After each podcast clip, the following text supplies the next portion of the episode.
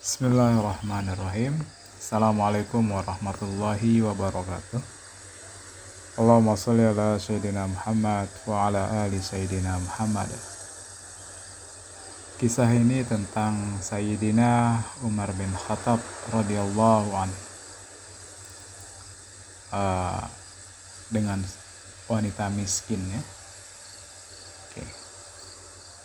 Jadi saya akan ceritakan dengan sedikit sentuhan sastra dalam bahasa Indonesia. Cerita ini adalah rekonstruksi. Jadi malam hampir mencapai puncaknya. Bulan bersinar cemerlang di langit Arabia Merdu nyanyian binatang malam mengalir bersama angin padang pasir. Dan dari kejauhan terlihat titik api penanda seseorang tengah menghangatkan badan atau tengah memasak sesuatu. Malam yang semarak telah menghantar nyaris seluruh penduduk peninsula Jazirah Arabia terlelap dalam damai. Meanwhile, sementara itu Sayyidina Umar bin Khattab radhiyallahu an mengendap keluar dari kediamannya. Tak ada yang mengenal beliau karena beliau menyamar dalam pakaian yang sukar dibedakan dari pakaian seorang yang rakyat jelata. Artinya beliau mengenakan pakaian yang sangat sederhana. Ya. Sudah menjadi kebiasaan Sayyidina Umar bin Khattab radhiyallahu an berkeliling di malam hari untuk mengetahui keadaan rakyatnya. Dengan cara itu, Sayyidina Umar dapat berinteraksi directly dengan rakyatnya secara wajar. Syahdan uh, Umar, Sayyidina Umar melihat titik api di kejauhan. Lalu ke sanalah beliau melangkahkan kakinya. Sayup-sayup Sayyidina Umar mendengar rengek tangis anak-anak yang berasal dari sekitar perapian. Lalu dalam jarak yang cukup dekat, Sayyidina Umar melihat seorang wanita dengan tiga anaknya surrounding sebuah tungku, mengelilingi sebuah tungku. Sementara anak-anaknya menangis, si wanita tampak sibuk menenangkan ketiga anaknya. Calm down, ya. Sebentar lagi Ya, sebentar lagi masakan kita akan matang dan kita akan segera makan malam. Jadi bersabarlah. Si wanita meredakan tangis anak-anaknya. Cukup lama tangisan ketiga anak itu memecah keheningan malam sebelum akhirnya satu persatu dari mereka tertidur. Sayyidina Umar lalu approaching mendekati si wanita seraya mengucap salam. Sayyidina Umar lalu bertanya, "Maaf, tadi saya mendengar suara tangisan anak-anak. Apakah kiranya yang membuat mereka menangis in the, in the middle of the night like this? Kenapa mereka menangis di tengah malam seperti ini?" Lalu si wanita menjawab sambil meneteskan air mata haru.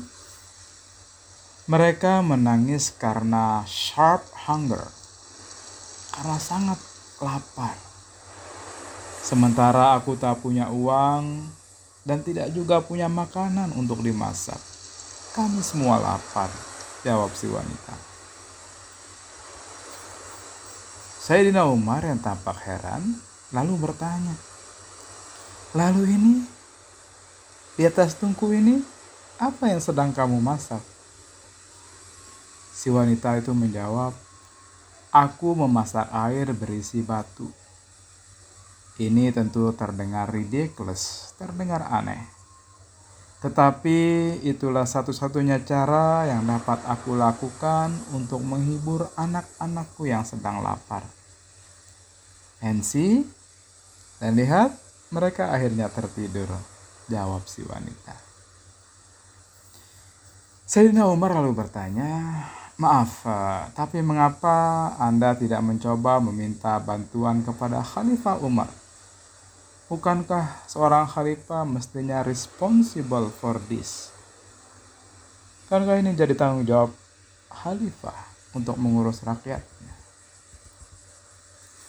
Si wanita menjawab, saya ini orang miskin, saya malu meminta-minta apalagi kepada sang khalifah. Jika saja khalifah kita cukup caring, cukup perhatian, Mestinya beliaulah yang turun langsung melihat kondisi rakyatnya. Uh, si wanita ini tidak tahu sama sekali, tidak sadar bahwa ia tengah berbicara dengan sang khalifah Sayyidina Umar itu sendiri. Lalu Sayyidina Umar berkata, wait a minute, tunggu sebentar, I'll be back soon. Saya akan segera kembali. Sayyidina Umar lalu bergegas pulang dan mengambil satu karung berisi bread, roti, meat, daging, and blanket dan selimut. Beliau memikul, memikul sendiri karung yang berisi bread, meat, and blanket. Beliau enggan meminta orang lain untuk membantunya membawa karung yang cukup berat itu. Setibanya beliau di perapian, oke, okay, Beliau berkata kepada wanita itu, Wake your children up.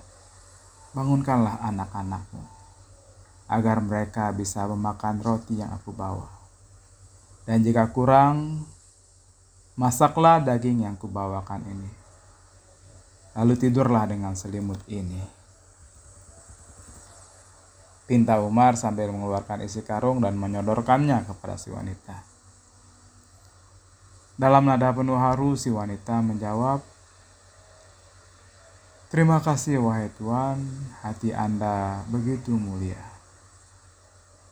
Sama-sama, jawab Umar. Makanlah. Insya Allah ini rezeki yang halal dari Allah. Dan aku akan mencoba datang every week setiap minggu untuk membawakan makanan dan pakaian buat kalian. Jawab Umar.